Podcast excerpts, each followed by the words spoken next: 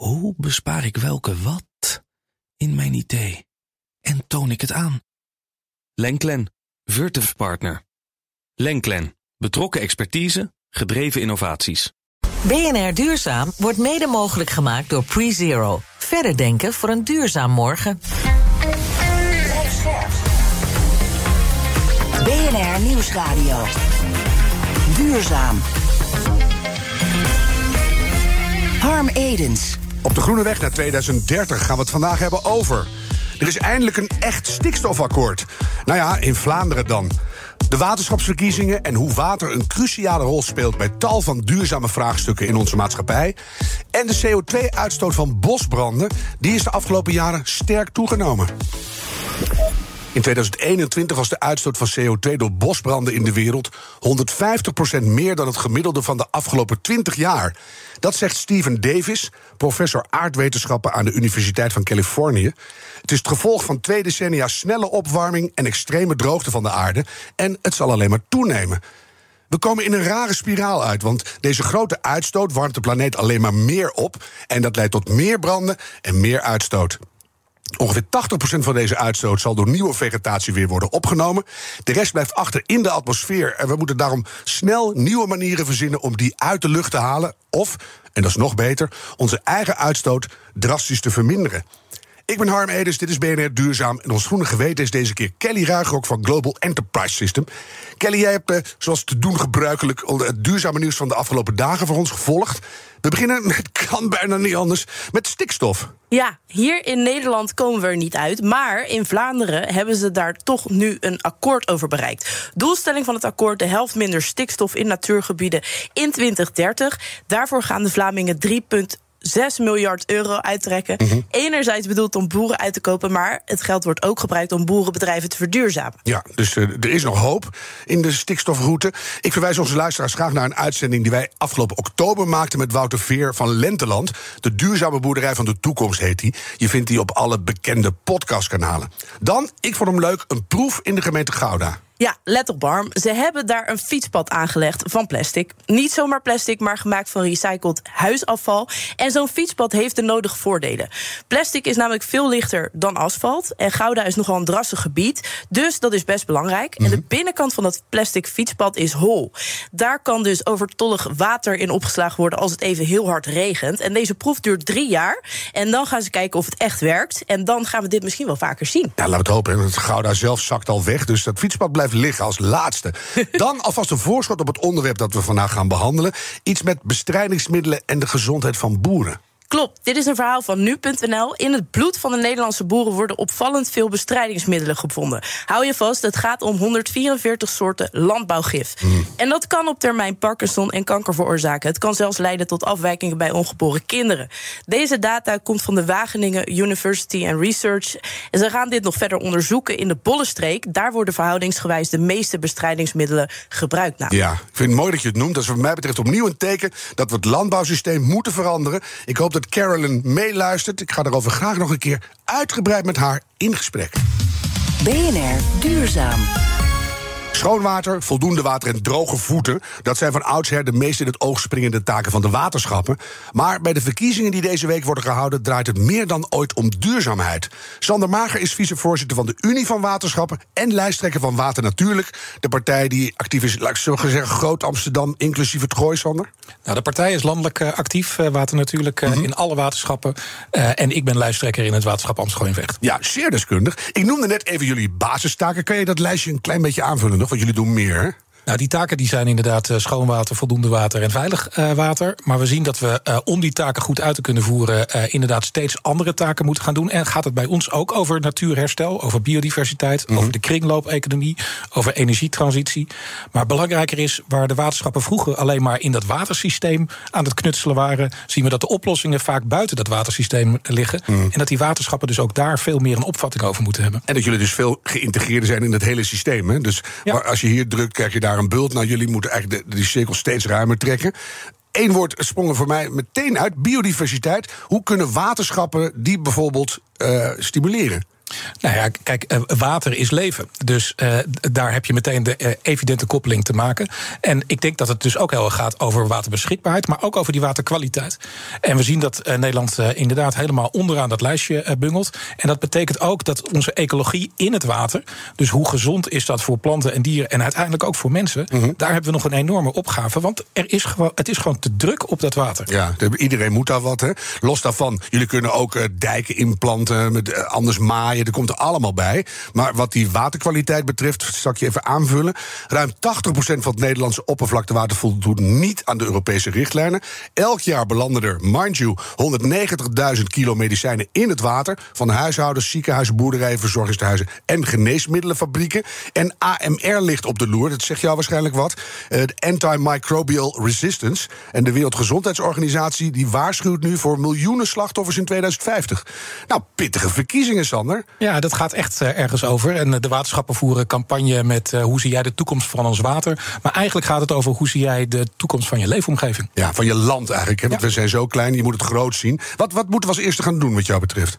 Nou, ik denk de, de grootste opgave die de waterschappen hebben is enerzijds die waterkwaliteit. Want daar uh, in 2027 moeten we aan de Brusselse doelstellingen van de kaderrichtlijn water voldoen. En daar hebben we echt nog een enorme opgave. Mm. En dat is één. Maar de tweede is natuurlijk hoe gaan we met die klimaatverandering om? Want dat raakt de waterschappen in het hart. Ja. Uh, en dat gaat over hoe houden we het veilig uh, in, uh, in Nederland. Hoe gaan we om met en meer droogte in de, in de zomer. Maar ook steeds meer wateroverlast door extreem weer. Ja, dat is de, misschien wel het belangrijkste thema nu. Hè.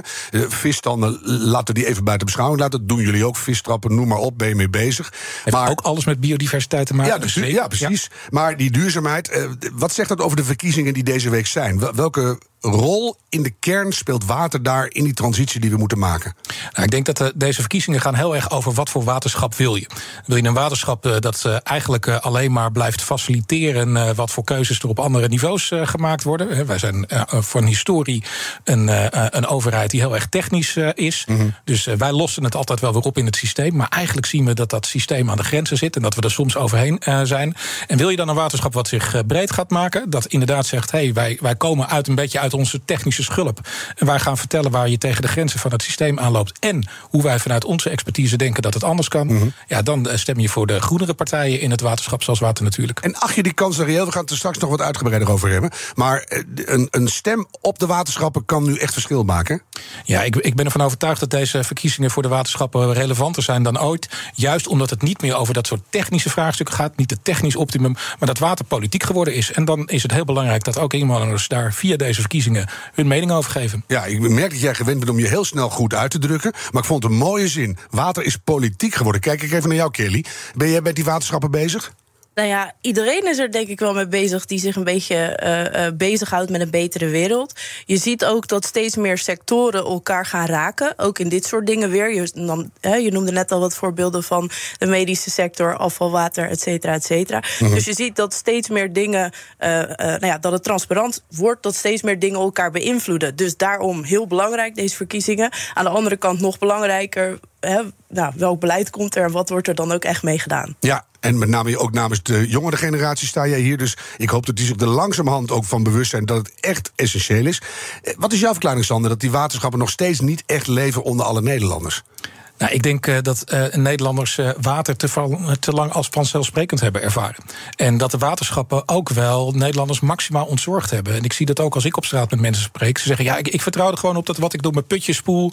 dat jullie dat wel weer schoonmaken en dat dat geen probleem is. En er is zoveel water, dus waar gaat dit over? Mm. Maar daarmee ontken je dat, het, dat we echt aan die grenzen van het systeem gekomen zijn. En wat Kelly zegt hè, over, over zuivering... ja, de oplossing zit niet meer in aan het einde van de pijp proberen... om alles er weer uit te halen, maar het zit erin hoe voorkomen we nou dat er vervuiling uh, komt? En dat betekent dat we helemaal aan die bron uh, de maatregelen moeten gaan nemen. Dus eigenlijk ook buiten dat domein van ja. die traditionele waterschappen. Veel eerder hoog roepen. Ja. ik was het afgelopen half jaar echt redelijk gechoqueerd. Ik doe de hele dag toch niks anders dan samen die betere nieuwe wereld maken. Maar dat vissen trager gaan zwemmen door alle tranquilizers die wij door de play spoelen. Dus dat een hele paringsgedrag in gevaar komt. Want die zijn ook allemaal heel relaxed, lalala. Of aan de kook, of weet ik veel wat er allemaal gebeurt onder water. Dat vond ik redelijk alarmerend. Ja, dat zie je op, uh, op inderdaad dat soort effecten zien we helaas. Dat heeft echt te maken met die medicijnresten. Je zei het, 190.000 ton wat in ons oppervlakte terechtkomt, uh, oppervlaktewater terechtkomt, omdat wij het er bij de zuivering niet uit uh, kunnen halen. En daar moeten we met elkaar oplossing voor doen, want dit is natuurlijk niet volhoudbaar. Nee, dat is, is idioot eigenlijk. Jij bent water, wateractief, ook een mooi woord, in Gooien en regio Amsterdam en Amsterdam daarbij. Hebben jullie, want je hoort heel veel stikstofdroogte bij de boerengebieden, de buitengebieden de rest van Nederland boerengebieden noemen ze. Het gaat wel ver met die BBB. Uh, welke specifieke thema zit er in deze wat stedelijke omgeving?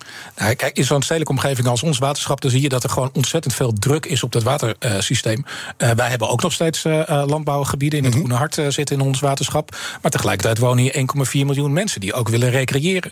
en er is industrie en er is scheepvaart. En hoe krijg je dat nou allemaal bij elkaar? terwijl we ook weten dat ook door de klimaatverandering... de druk op het watersysteem ook al veel hoger wordt. Omdat ook stijgende temperaturen weer heel slecht zijn voor de ecologie in het water. Ja. Dus hoe krijgen we dat goed bij elkaar in waterkwaliteit? En hoe houden we het hier leefbaar in een toch een heel sterk verstedelijkte omgeving met minder ruimte om water op te vangen? Ja, dat vraagt creativiteit, ook van die waterschappen en vooral heel veel samenwerking. Ja, dat laatste, dat, dat moet je dan maar hard op gaan inzetten, want alleen kan je niks. Maar kan jij in jouw hoofd nog een plaatje verzinnen waarvan je zegt: de komende tien jaar het weer wordt extremer, eh, de, de warmte wordt erger, noem maar op, de druk eh, van de gebruikers wordt hoger. Kan je nog een plaatje verzinnen hoe we eruit kunnen komen als je alles op jouw manier zou mogen doen? Ja, door weer na te gaan denken over het herstel van natuurlijke systemen. Mhm. En uh, wat de waterschappen uh, traditioneel goed gedaan hebben, is denk ik uh, heel erg technisch alles benaderen. Wij vonden overal wel weer een technische oplossing voor. maar de, de oplossing voor de toekomst ligt in het herstel van natuurlijke systemen. En dus ook af en toe zeggen waar het vanuit het systeem niet meer kan. Ja.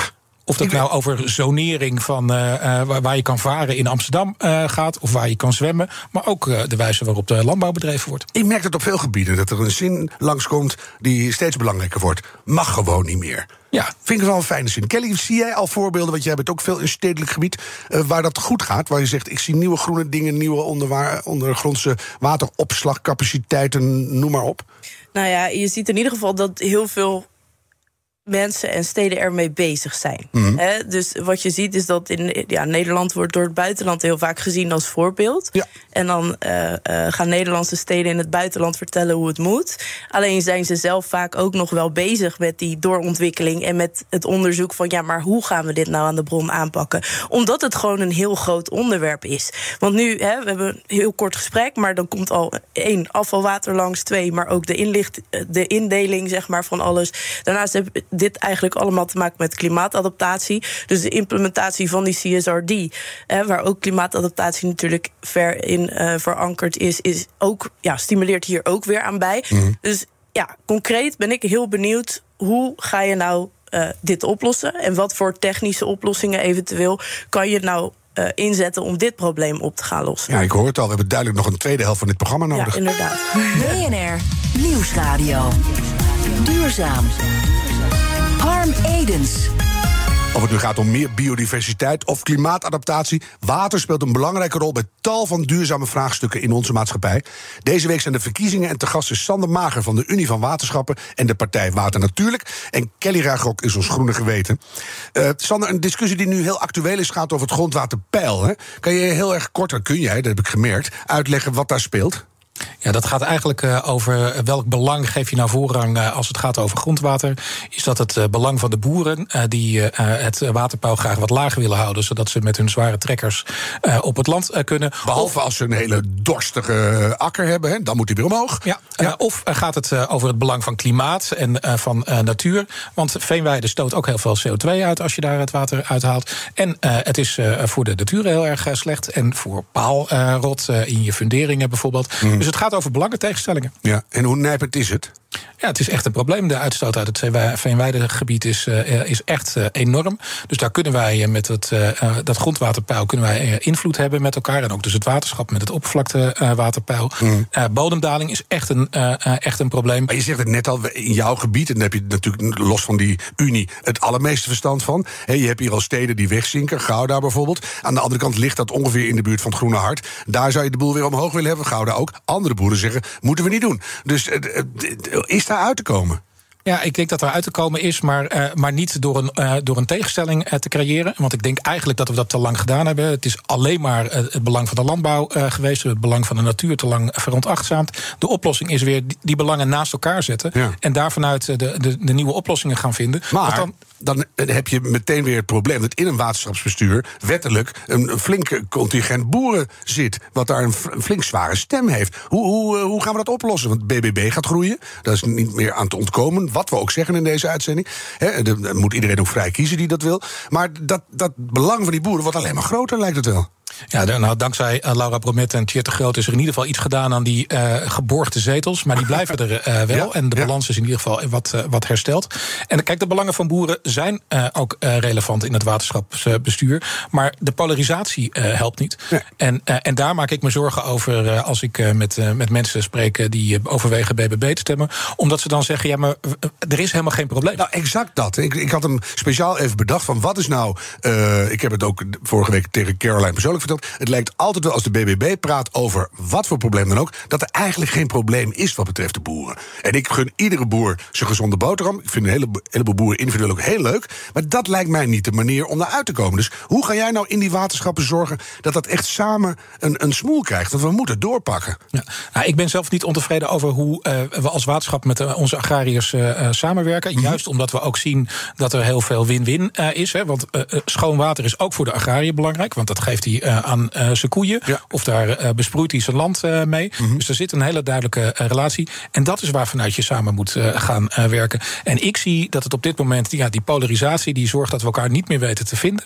Dat het gesprek stopt en dat er geen draagvlak is voor verandering. Terwijl evident is, ja, we zijn zo aan de grenzen van het systeem terechtgekomen. Zonder verandering gaan we dit niet duurzaam regelen. Maar bijvoorbeeld wat dat grondwaterpeil betreft, dan kan je een, een ingangetje van een oplossing geven. Kun je dan zeggen, we, we doen hem in het voorjaar wat hoger. Dan moet die boer maar even wachten. En dan doen we daarna weer wat lager. Kijk, is daar wat mee te, te polderen? Want als er nou iets kan polderen, is het de waterschap. Ja, nee, dat gaat inderdaad over het herstellen van het natuurlijk pijl. Ja. Uh, dus uh, niet meer één vaste pijl, maar een natuurlijk pijl wat een beetje uh, meebeweegt. Maar het gaat ook bijvoorbeeld over boeren via blauwe diensten belonen voor wat zij doen voor een waterbeheer. Mm. Zodat hun bedrijfsmodel ook gewoon economisch uit kan. En dat is precies wat jij ook zegt. Er is gewoon een toekomst voor duurzame landbouw in Nederland. Dus moet je toch serieus veranderen. Maar je kan als boer gewoon blijven. Alleen je verdienmodel wordt anders. En hoe je met dat water omgaat ook. Ja, en daar hebben dus ook die waterschappen en andere overheden een rol in. om dat uh, ook weer economisch aantrekkelijk te ja, maken. En moeten echt gaan doen. Hè. We moeten er samen uitkomen. Kelly, heb jij het gevoel dat die waterschappen genoeg van de daken schreeuwen? Horen we ze genoeg? Nee. Nee. Nee.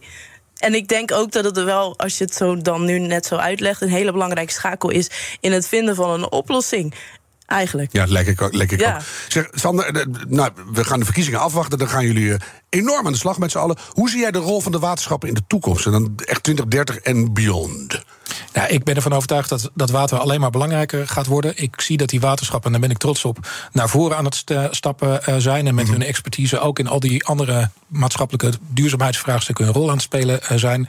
En ik denk dat met een hele grote, stevige groene stem in die waterschappen, uh, daar dus ook de toekomst ligt. Meewerken, meedenken over hoe Nederland er duurzaam uit kan zien. Zou het denkbaar zijn dat we die waterschappen helemaal niet meer democratisch gaan kiezen? Dat dat nou de eerste club wordt waar we een soort uh, verzamelbak van wijze mannen en vrouwen inzetten. die allemaal waterbelangen hebben. en die dan het beste gaan doen wat er kan. Nou, ik zou dat jammer vinden, want ik vind, oh. het, juist een groot, ik vind het juist een groot goed uh, ja. dat uh, Nederlanders daarover meedenken. Ook omdat ik denk dat uh, vanuit de onbezorgdheid waar ik het net over had, die mensen zo erg hebben met water. Ik vind dat je dat we meer bezorgd moeten zijn. En dat we daar vanuit moeten gaan stemmen. En op die manier ook het draagvlak houden voor wat er moet veranderen. Ja. Want die verandering is ook niet altijd leuk. En dan moeten we dus ook met elkaar de schouders eh, onder durven te zetten. En daarom is het zo belangrijk dat mensen zo meteen gaan stemmen. Ja, en dat ze na vandaag ook donders goed doorhebben wat er in die waterschappen allemaal besloten wordt. En hoe belangrijk dat is. Dus uh, dankjewel dat je er was. Sander Mager van de Unie van Waterschap en lijsttrekker van Water Natuurlijk. Uh, in de regio Groot Amsterdam, noem ik het maar, inclusief Gooi. En uh, nou ja, laat mensen zich echt verdiepen Maar waarom moeten we naar die waterschapsverkiezingen? Want het zijn hele belangrijke dingen. Kelly, wat ga je onthouden en meenemen naar de avonddis? In ieder geval AMR, de Antimicrobial Resistance. Want ik vind het eigenlijk echt belachelijk dat door het gedrag wat we vandaag de dag vertonen, we eigenlijk in 2050 en misschien nog sneller gewoon een heel groot uh, ook gezondheidsprobleem kunnen hebben door dit soort dingen. Ja. En het tweede, grondwaterpeil. Ik vind het wel een uh, mooie. Vroeger in Egypte bepaalden ze de belasting met de stand van het water. Als die laag stond, hoef je weinig belasting te betalen en vice versa. Dus dit is wel ergens heel gaaf. En ik ga vooral volgen hoe jullie dit uh, ja, in de toekomst gaan uh, proberen op te lossen. Ja, welke uitslag hoop jij op, Sander, naar woensdag? Nou, ik hoop heel erg dat uh, iedereen die, uh, die natuur belangrijk vindt, die gezondheid belangrijk vindt. En zeker iedereen die GroenLinks, D66 of Volt stemt. Want die partijen doen niet mee met de waterschapsverkiezingen. Mm. Dat die allemaal water natuurlijk uh, ja. gaan stemmen. Nou, dan heb je en toch een klein stemadviesje kunnen doen. En al die andere mensen weten toch al lang waar ze op gaan stemmen. En wat neem ik mee naar de, naar de tafel? Dat het belangrijk is dat we dat ook democratisch houden. Want dan is er een zo groot mogelijk draagvlak voor dat ene ding in ons leven waar we na zuurstof niet zonder kunnen. En dat is water. In de goede en ook in de slechte zin. Dit was BNR Duurzaam, de groene weg naar 2030. Laten we die met z'n allen nemen en een beetje doorlopen graag. De tijd van treuzelen is voorbij. BNR Duurzaam wordt mede mogelijk gemaakt door PreZero. Verder denken voor een duurzaam morgen.